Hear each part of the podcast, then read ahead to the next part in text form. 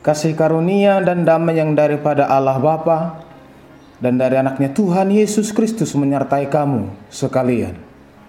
Amin. Horas Salimanta, sangahon lima menit manangiho Tuhani yang terambil dari Yesaya 38 ayat 17. Sesungguhnya penderitaan yang pahit menjadi keselamatan bagiku.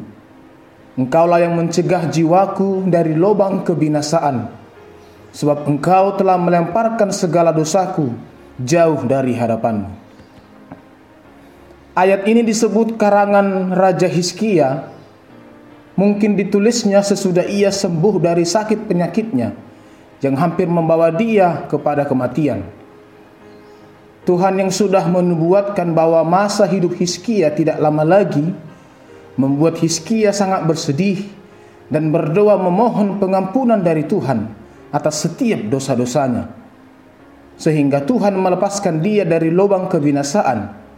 Maka nas ini adalah ucapan syukur Hizkia kepada Tuhan Allahnya yang sudah datang melawat dan menyelamatkan jiwanya.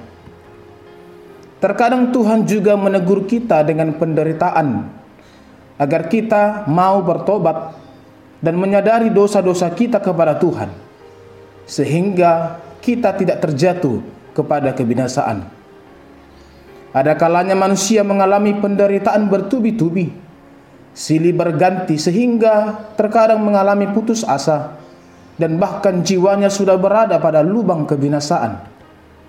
Dalam keadaan seperti itu, manusia menyadari akan dosa-dosanya, memohon pengampunannya, maka Tuhan melemparkan segala dosanya dan manusia kembali bertobat hidup benar di hadapan Tuhan, maka penderitaannya yang pahit itu telah membawanya kepada keselamatan hidupnya. Namun ada kalanya manusia tetap menyimpan dosa, berdiam diri tanpa mau menyadari kekurangan dan pelanggarannya. Lantas apakah yang dialaminya?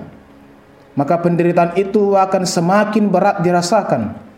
Tulang-tulangnya menjadi lesu, Sumsumnya menjadi kering seperti terkena terik panas matahari.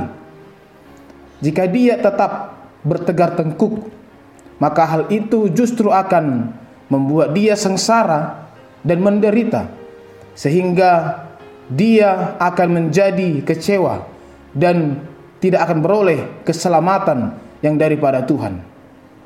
Oleh karena itu, lebih baik memberitahukan semua dosa dan kesalahan kepada Tuhan sehingga kita akan beroleh pengampunan dan akan beroleh keselamatan.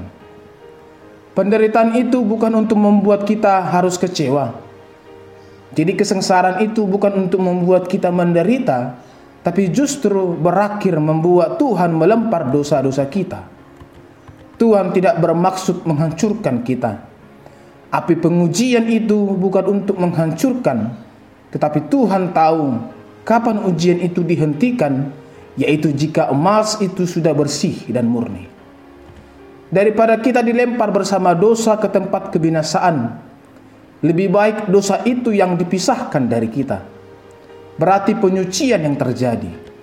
Maka kalau ada kehidupan yang berkata, saya tidak sanggup lagi diperlakukan seperti ini, Sungguh kasihan orang itu yang tidak sadar hidupnya ada dalam lubang kebinasaan. Sebenarnya sengsara bukan untuk mencelakakan kita. Begitu kita dibawa dalam penderitaan, itu malah proses keselamatan kita.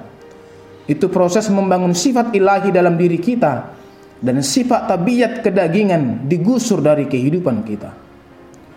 Melalui penebusan Yesus Kristus akan dosa-dosa kita, Tuhan mencegah jiwa manusia dari lubang kebinasaan dan melempar jauh segala dosa kita. Tuhan tidak kerjakan itu dengan mudah. Ada derita sengsara yang harus Yesus alami. Begitu berat pergumulannya. Apakah kita juga tidak mau mengisi jerih payah Yesus untuk memenuhi apa yang sudah dia kerjakan dengan jerih payahnya? Apakah kita tidak berpikir kiranya saya masuk dalam upah jerih payahnya? Tidakkah kita bersyukur kita telah diselamatkan dari lubang kebinasaan?